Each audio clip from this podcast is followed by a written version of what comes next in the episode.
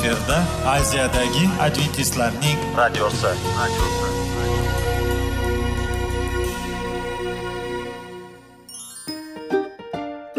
Assalomu alaykum radio tinglovchimiz. Dasturimizga xush kelibsiz va bizni tinglayotganingizga sizdan judayam minnatdormiz. Bugungi bizning dasturimizning nomi sog'liq daqiqasi deb ataladi va biz sizlarga bu dasturda mevalarning foydasi haqida so'zlab bermoqchimiz. Ya'ni uning tarkibi uning tarixini va foydali xususiyatlari haqida. Aziz do'stlar mevani iste'mol qilish kerak ekan va biz boshladik. Ketdik. Sog'liq daqiqasi soliqning kaliti qiziqarli ma'lumotlar faktlar. Har kuni siz uchun foydali maslahatlar. Sog'liq daqiqasi rubrikasi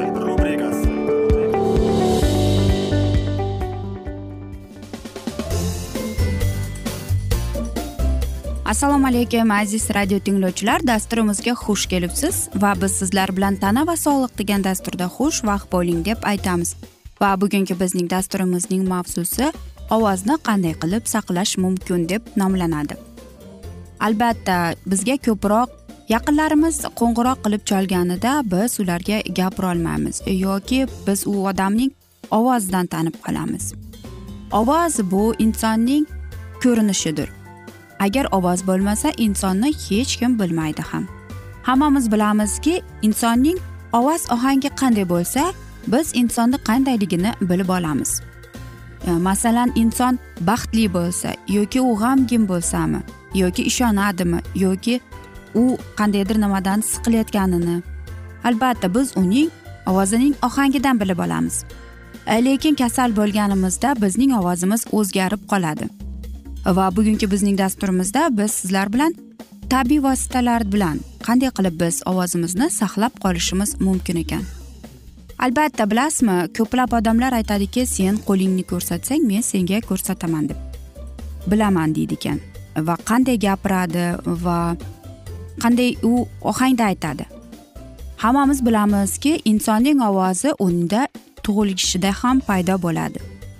Chunki bola tug'ilgandayoq u albatta yig'laydi. Shuning uchun ham bizning ovozimiz musiqa asbobiga o'xshaydi ekan. Uni ham albatta to'g'irlash kerak ekan. Albatta bu oddiy tabiiy hol bo'lib qoladi. Ammo lekin e, mana qo'shiqchilar ular ham bir qo'shiqni aytish uchun qancha qancha o'zlarini o'rgatadi qancha darslarga borishadi. Va albatta ular ovozni bir to'xtamga keltirgangacha ancha vaqt kerak bo'ladi. Va bilasizmi ba'zida ayniqsa qishning kunida ko'proq odamlarning tomog'i og'rib qoladi. Bu kasalning nomi laringit hisoblanadi. Siz sovuq suv ichib qo'ydingiz yoki muzqaymoq yeb qo'ydingiz. Mana shuning orqasidan sizda laringit boshlanib qoladi. Va bu laringit virusli. Yoki aytaylik allergik. Ya'ni sizning bir narsaga allergiyangiz bor va albatta tomog'ingiz ishib ketadi. Yoki e, sizni jig'ildon qaynashda.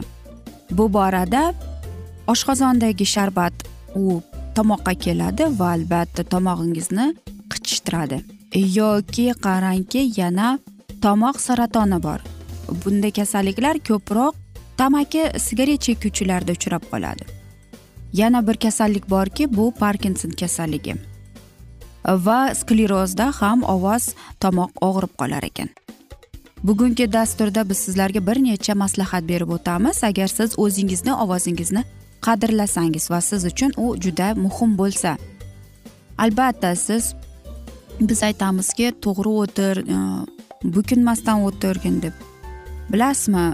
Masalan qo'shiqchilar e, ular aytishadiki sen qorning bilan gapirishing kerak deb yoki qorning bilan ovoz aytishing kerak deb. Va mana shu mahalda ular o'pkasini havoga to'ldirib va doim bir kuchda ushlab turadi. Chuqur nafas oling. Bilasizmi?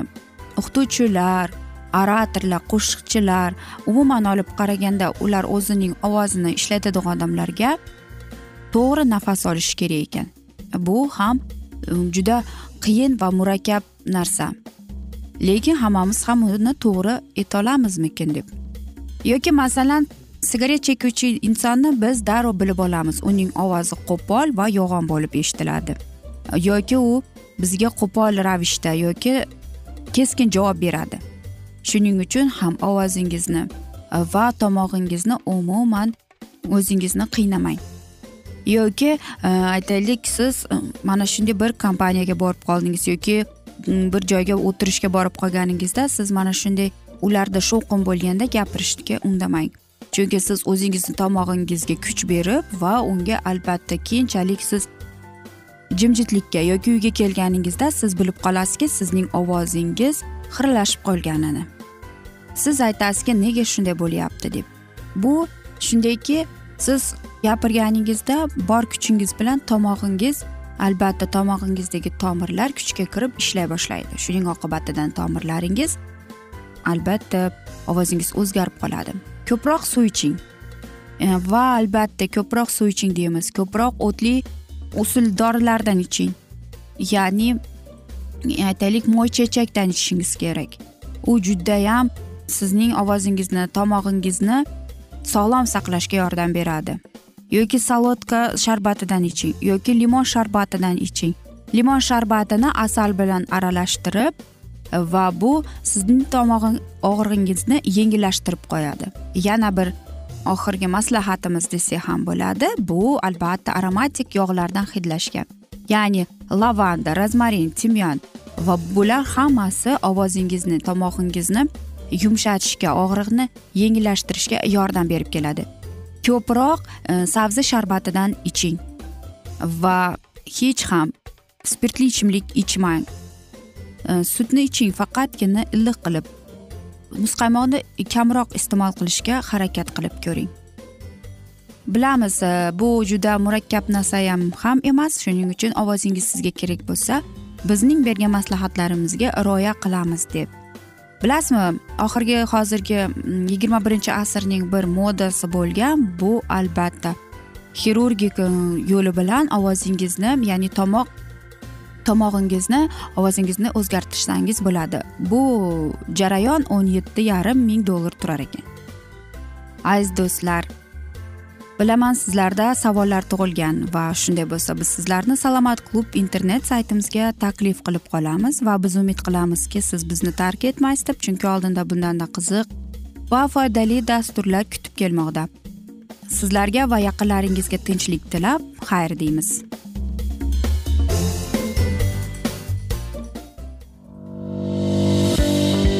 Sog'liq daqiqasi.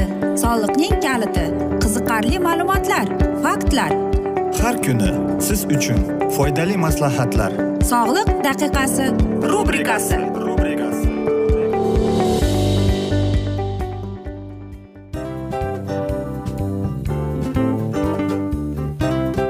Mana ha hayotda hamma narsaning yaxshi narsalar tugaydi va yakunlaydi degandek bizning dasturimizga ham yakun keldi.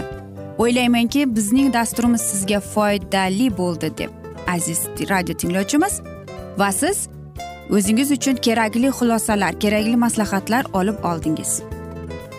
Aziz radio tinglovchimiz biz bilan qoling va keyingi dasturlarimiz albatta undanda qiziqroq bo'ladi.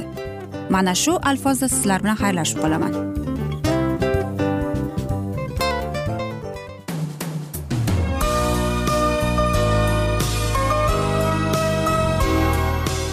Efirda aziyadagi adventistlarning radiosi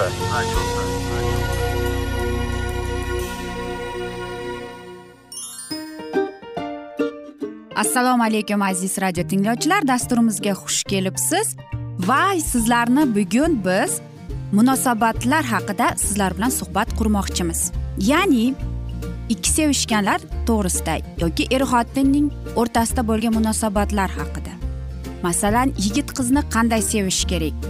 Er xotinni qanday sevish kerak? Xotin erini qanday sevish kerak? Qanday munosabatda bo'lish kerak ular bir biriga mana shunday haqida bizning mavzuyimiz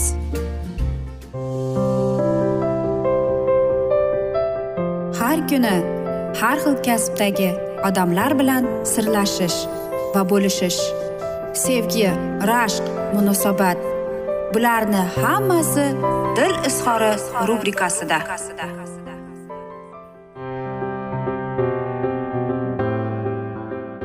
Assalomu alaykum aziz radio tinglovchilar. Dasturimizga xush kelibsiz va biz sizlar bilan erkaklar marsdan ayollar veneradan degan dasturda xushvaqt bo'ling deb aytamiz.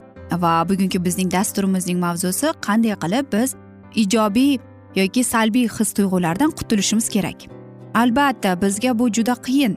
Biz e, judayam aytaylik tushunib va qabul qilish boshqa insonning salbiy hislarini qabul qilish bizga qiyin bo'ladi. Chunki biz o'zimiz bee'tibor va qo'llab quvvatlashdan qolganimizda. Bilasizmi qanchalik biz tezda mana shu narsalarga o'rganib qolsak biz yoshligimizda aytaylik mana shu narsalar bilan biz bo'lishib va o'zimizni qiynayotgan savollarga e, tezroq javob berishga o'rganib qolamiz. Lekin hech ham bu mana shu gapirayotganimizda biz xafa bo'lmasdan yoki tushkunlikka tushmasdan eshitadi. Qanchalik biz qarshi qilmaylik lekin biz aytaylik o'zimizdagi his tuyg'ularimizni. Bizga judayam qiyin bo'ladi boshqa insonni tinglash uchun. Agar siz aytaylik sabrli yo sabrsiz bo'lsangiz demak bu sizning bo'lgan o'zingizga munosabatingiz. Shuning uchun ham aytishadiku qanchalik biz o'zimizning hislarimizni hurmat qilsak faqatgina o'shanda biz birovlarning his tuyg'ularini hurmat qilib kelamiz. Lekin qachon? Biz ota ona bo'lganimizda chunki bizning ichimizdagi bir inson boshqacha bo'lib qoladi. Va biz o'ylaymizki katta bo'lganimizda ham bunga sabab yo'q deb o'ylab qolamiz. Lekin bizning ba'zi bir ko'nglimizning bir parchasi xuddi sevimli ota onaga o'xshab qoladi.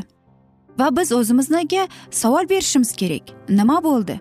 Nega bu meni umuman tegingani yo'q deb nima his qilyapman deb? Albatta. Qanchalik biz aytaylik ota onamiz bizni qanday eshitadi? Biz ota onamizni oldiga borganda nima qilamiz? Biz ichimizdagi bor dardimizni to'kib sochamiz. Bizning ota onamiz bizga qanday savollar beradi? Nima seni xafa qilib qo'ydi? Nega sen bunchayam mayunsan deb? Nega sen nima seni tashvishlantiryapti ekan nima xohlaysan deb? Albatta. Biz boshqa insonga xuddi ota onadek muammo qilib unga bir e, munosabatda bo'lsak faqatgina biz o'zimizga mana shunday munosabatni qilamiz. Hech qachon men emas. Biz agar men bo'lsam demak men avtomatik tarzda o'zimni o'ylaydigan bo'lib ko'rsataman. Agar biz bo'lsak demak men avtomatik tarzda boshqa insonga aytaylik his tuyg'ularini unga uyg'otishga harakat qilgan bo'laman. Agar yoshligimizda bizni hamma ham tushunib bizni qabul qilganda edi balkim biz mana shunday narsalarga duch kelmasmidik ko'nglimizning qiyinchiliklariga. Albatta ko'pchiligimiz bolalik paytda bunday qo'llab quvvatlashni qabul qilmagan edik. Shuning uchun ham biz bugungi savolni o'zimiz hal qilishimiz kerak. Siz aytasiz qanday qilib o'tmish menga ta'sir ko'rsatadi deb. Albatta ba'zida bilasizmi sizga e, salbiy hislar kelib ketadi. Nega deysiz? Qarang bu hamma narsa yoshlikdan bolalikdan kelib chiqqan narsalar ekan. Bu narsa biz katta bo'lib ulg'ayib qolganda stressga duchor bo'lib qolganimizda bu hislar yana qaytib keladi. Aytaylik sizni bir narsa e, achchig'ingizni keltirdi va siz doim g'azabdasiz. Bir tarafdan siz o'ylaysiz men katta odamman men уже qanday desam ekan e, tinch sevimli e, va albatta tinchlik tarafdor insonman deb o'ylaysiz. Yoki aytaylik siz bir insondan umuman umidingizni puch qildi. Siz g'amginsiz mayinsiz. Nega? Siz o'ylaysizki nega bunday bo'ldi deb. Lekin sizning katta bo'lgan taraf ichingizdagi inson aytyapti. Biz doimo salbiy yoki ijobiy qarashimiz kerak. Biz ertangi kunga baxt bilan qarashimiz kerak umid bilan qarashimiz kerak. Yoki aytaylik bizni bir narsa xavotirga tushdi. Qanday qilib biz bundan qutulishimiz kerak? Biz aytamiz ha men katta bo'ldim va mening katta bo'lgan ko'nglim menga aytyapti. Biz ertangi kunga ishonch bo'lishi kerak va minnatdor bo'lishimiz kerak ekan. Agar biz bir narsadan uyatib qolsakchi nima bo'lishi kerak? Bizning katta bo'lgan insonimiz aytar ekanki hech ham tashvishlanma. O'zing bilan o'zing bo'lgin deb aytar ekan. Va men o'ylaymanki ko'plab insonlar mana shunday duchga kelib qolganda nimaga kelib qoladi? Biz aytamizki agar men mana shu narsalar bilan kurasha olmasamchi deb bilasizmi ko'p o'ylanib qolamiz. Ba'zida nega inson ichkilikka berilib ketadi deb. Lekin qarangki undagi bor mana salbiy his tuyg'ular ko'p narsani olib qo'yadi. Albatta biz katta bo'lib mana shunday ko'p e, salbiy hislardan qutulish kerak bo'lamiz. Va biz katta bo'lib nima qilamiz? Albatta ichkilikka berilib ketamiz. Biz o'ylaymizki bir bokal bizga vino hech narsa bo'lmaydi deb. Ha to'g'ri u vaqtincha bizning og'rig'imizni oladi. Lekin yana keyingi safar u yangi kuch bilan kelib qoladi. Shuni aytmoqchimizki aziz do'stlar hech qachon sizga yoki mangami boshqasigami bu ichkilik yordam bermaydi. Aytamanki yana qiyinlashtirib qo'yadi hayotimizni. Hayotimizni ag'dar tundar qilib qo'yadi. Hech qachon bu narsalar bizni yechimiga olib kelmaydi. Shuning uchun ham biz o'ylab ko'rishimiz kerak ekan. Umuman olganda shu ichkilikni ichayotganda bu menga yordam beradimi deb. Axir siz ertalab uyg'onasiz va aqlingiz bilan sezib turibsiz. Bu hamma narsani men qog'ozda aytishim kerak deb. Siz shunday qilib ko'ring ham. Agar shunday bo'lsa qog'ozni oling ruchkani olib. Sizni nima qiynayotgan bo'lsa hammasini qog'ozga to'kib soching. Keyin ko'rasiz. Qanchalik siz o'zgarib qolasiz? Turmush o'rtog'ingiz bilan qanchalik munosabatlaringiz yengillashib qoladi? Va siz u bilan sizni qiynayotgan tashvishlar hislaringiz bilan bo'lishib kelasiz va u sizni qo'llab quvvatlaydi ham. Aziz do'stlar albatta bu ajoyib bir hisdir lekin sizda mana shunday hislar bo'lsa biz yuqorida bergan maslahatga rioya qilib ko'ring. Oddiy qog'oz va ruchkani olib yozing. Va keyin bir ikki kun o'tgandan keyin yana o'qib ko'ring. Va keyin o'zingiz xulosa chiqarib olasiz. Va mana shunday asnoda aziz radio tinglovchilar bugungi dasturimizni afsuski yakunlab qolamiz. Chunki bizning dasturimizga vaqt birozgina chetlatilgani sababli. Ammo lekin keyingi dasturda albatta mana shu mavzuni yana o'qib eshittiramiz. Va men umid qilaman bizni tark etmaysiz deb chunki oldinda bundanda qiziq va foydali dasturlar kutib kelmoqda. Va biz sizlarga va oilangizga tinchlik totuvlik tilab yuzingizdan tabassum hech ham ayrimasin deb seving seviling deb omon qoling deymiz.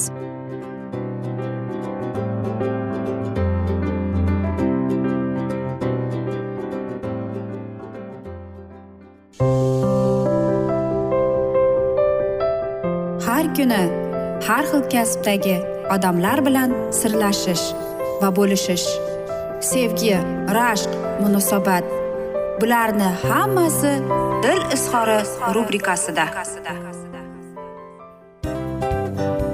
Mana aziz radio tinglovchimiz bizning go'zal va foydali va chiroyli dasturimiz yakunlanib bormoqda. Sizlarga birozgina maslahat berib o'tmoqchi edik. Bir biringizni seving qadringizga yeting va erkalang albatta bir biringizni va sizga judayam chiroyli va mustahkam munosabatlar tilab qolamiz albatta. Sevgilingiz doimo yoningizda bo'lsin. Mana shu borada sizlar bilan xayrlashib qolamiz. Xayr.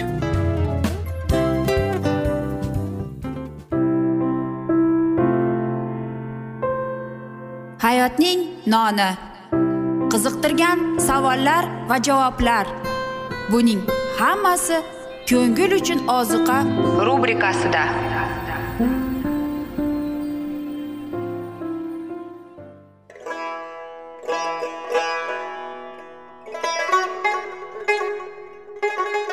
Assalomu alaykum aziz va qadrdon radio tinglovchimiz. Dasturimizga xush kelibsiz. Bizni tanlaganingizga sizdan minnatdormiz. Va keyingi bizning e, mavzuyimiz diniy masalasiga kelib chiqadi. Albatta hayot davomida bizni ko'plab qiziqtirgan savollar bordir. Va mana shu savollarga qayerdan javob olsam ekan deb o'ylanib chiqamiz. Yoki hayotning ma'nosi nimada deb o'ylanamiz.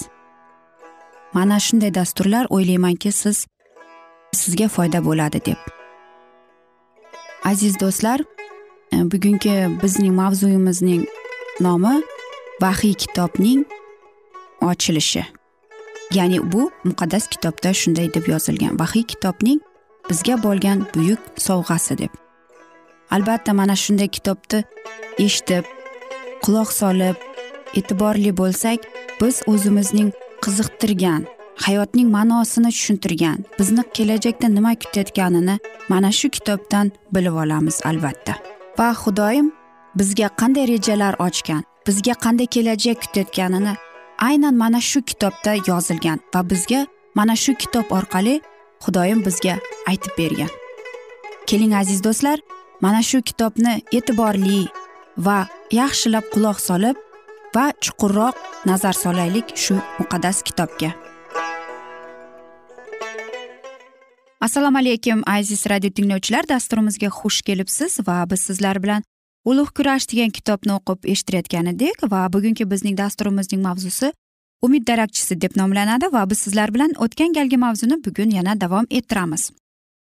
Xudo tez orada yuz berishi mukarrar bo'lgan hodisatni o'z qo'llariga ko'rsatish uchun iso masihga ushbu vahiyni berdi.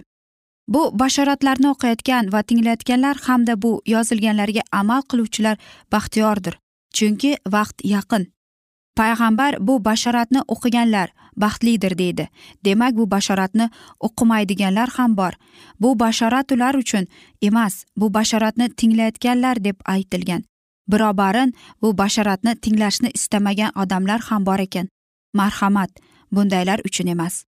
Yozilganlarga amal qiluvchilar baxtlidir deyilgan demak. Vahiyda mavjud bo'lgan va misol keltirgan ogohlantirishni pand nasihatlarni qabul qilishdan ko'plab odamlar bosh tortdilar. Binobarin bu kabi odamlarning hech biri va'da qilingan huzur halovat va marhamatlarga da'vogarlik qila olmaydilar. Kimki vahiyda bayon etilgan bashorat va belgilarga ishonmay ularni tahrirlasalar kimki o'z hayot tarzini o'zgartirib inson o'g'lining kelishiga tayyorgarlik ko'rmasa shundaylar va'da qilingan marhamatlardan mahrum bo'ladilar. Guvohlardan ilhomlangan odamlar. Vahiy kitobi bu anglab bo'lmas siru sanoat deb taqidlashga qanday jur'at eta oladilar? Bu ayon bo'lgan sir ochib berilgan haqiqat. Vahiy kitobning inson ongini doniyorning karomatlariga yo'llantiradi. Bu ikkala kitob ham asosiy bir ma'noga ega. Arabiy odamlarga oxir zamonda ro'y berishi kerak bo'lgan hodisalar haqida xabar bergan. Yuhanaga jamoat uchun nihoyatda ulkan va hayratga soluvchi qiziqarli namoyon etuvchi vahiylarni ochib berilgan. U xudoning xalqi vaziyat holatini xavf xatarini kurashishni va tamomiyla xalos qilishni ko'rgan. Xabar e'lon qilingandan keyin hosil o'rim yig'ini samoviy g'alla ombori uchun g'alla bog'lamlarni hamda olov uchun somon to'plash boshlanishi unga ayon bo'ldi. Unga ko'plab haqiqatlar ochib berildi. Ayniqsa so'nggi jamoatga taalluqli bo'lgan haqiqatlar chunki imonga yuz tutganlar ularni qanday kurash va xavf xatarlar kutayotganini bilib olishlari kerak edi. Kelajakda yuz beradigan hodisalardan hech kim zulmatdan bexabar qolmasligi kerak. Xudoning kalomiga tegishli bo'lgan bu buyuk barchani ko'plab odamlar mensimasliklarini qanday qilib tushuntirib berish mumkin? Muqaddas kitob guvohligini o'rganishni istamaslik hukmronligini nima bilan izohlash mumkin? Bu zulmat hokimning ishi uning hiyla nayranglari va yolg'onlari nimaiki fosh qiladigan bo'lsa u hammasini yo'q qilishga intiladi. Shu sababli masih vahiy kitobning muallifining kitobi o'rganishga qarshi kurash albatta bo'linishi oldindan ko'ra bilgan. Shuning uchun ham kimki bashoratlarni o'qisa tinglasa va yozilganlarga amal qilsa shundaylar so'zsiz ravishda iso masih tomonidan marhamatlanadi. Rabbiy yer yuzida amalga oshirayotgan hamda diniy yoki islohot harakatlari barcha asrlarda nihoyatda bir biriga o'xshaydi. Xudoning insonlarga nisbatan bo'lgan munosabati har doim bir xil. Hozirgi zamon harakatlari aslida bosib o'tilgan tajribalarga tayanadi. O'tgan asrlar jamoatining kechinmalari hozirgi davr uchun bebaho saboqlarga egadir. Muqaddas kitob ma'lum tarzda xudo o'zining muqaddas ruhi orqali qalblarning qutqarish borasida buyuk ishida o'z qo'llarini boshqarishni haqida so'zladi. Rabbiy o'zining mehr muruvvatli rahm shafqatli va ezgu niyatlarini amalga oshirish uchun odamlardan qurol sifatida foydalangan. Har bir odam o'z vazifasini bajaradi. Insonlar yashab turgan davrga qarab ya'ni ularga yuklatilgan majburiyatni bajarishga yetarlicha bo'lgan nurning ma'lum miqdori berilgan. Ammo osmon insonga qanchalik yuqori baho bermasin hech kim najot topish buyuk rejasini to'liq tushunishi yoki uning davrida amalga oshayotgan xudoning rejalarini mukammal tarzda bilish darajasiga yetmaydi. Rabbiy insonga yoki bu vazifani bajarish yuklar etgan odamlarga u qanday maqsadni ko'zlayotganini to'liq anglab ololmas edilar. Ular xudo nomi bilan targ'ib qilayotgan xabarni har tomonlama tushunib yetish imkoniga ega emasdilar. Xo'sh xudoning sirlarini anglay olasanmi? Qodir xudoning kamolotini bila olasanmi? Egamiz shunday demoqda sizlarning fikringiz meniki emas mening yo'llarim sizlarniki emas. Osmon yerdan qanchalik baland bo'lsa mening yo'llarim ham o'ylarim ham sizlarning yo'llaringiz ham o'ylaringiz ham shunchalik balanddir. Axir men xudoman boshqasi yo'q. Men xudoman menga o'xshashi yo'q. Oxirida nima bo'lishini boshidanoq aytaman. Yuz berganlarni oldidan bildiraman. Niyatlarim bajo bo'ladi. Barcha istaklarimni ijro etaman deb aytmoqda. Siz mana shunday she'rlarni muqaddas kitobning ayub kitobining o'n birinchi bob yettinchi she'rida o'qishingiz mumkin. Ishayo kitobining ellik beshinchi bob sakkizinchi she'rida to'qqizinchi she'rida o'qishingiz mumkin. Yana ishayo kitobining qirq oltinchi bob to'qqizinchi o'ninchi she'rlarida o'qib olishingiz ham mumkin. Va ayniqsa hattoki ruh nurga to'ldirgan payg'ambarlar ham ularga ochib berilgan vahiylarning muhimligini to'liq tushunib yetgani yo'q. Va aziz do'stlar mana shunday alfozda biz bugungi dasturimizni afsuski yakunlab qolamiz chunki bizning dasturimizga vaqt birozgina chetlatilgani sababli. Ammo lekin keyingi dasturlarda albatta mana shu mavzuni yana o'qib eshittiramiz. Va sizlarda aziz do'stlar savollar tug'ilgan bo'lsa biz sizlarni alkitab media internet saytimizga taklif qilib qolamiz. Va men umid qilamanki siz bizni tark etmaysiz deb chunki oldinda bundanda qiziq va foydali dasturlar kutib kelmoqdalar. Va biz sizlarga va yaqinlaringizga tinchlik totuvlik tilab o'zingizni ehtiyot qiling deb xayrlashib qolamiz.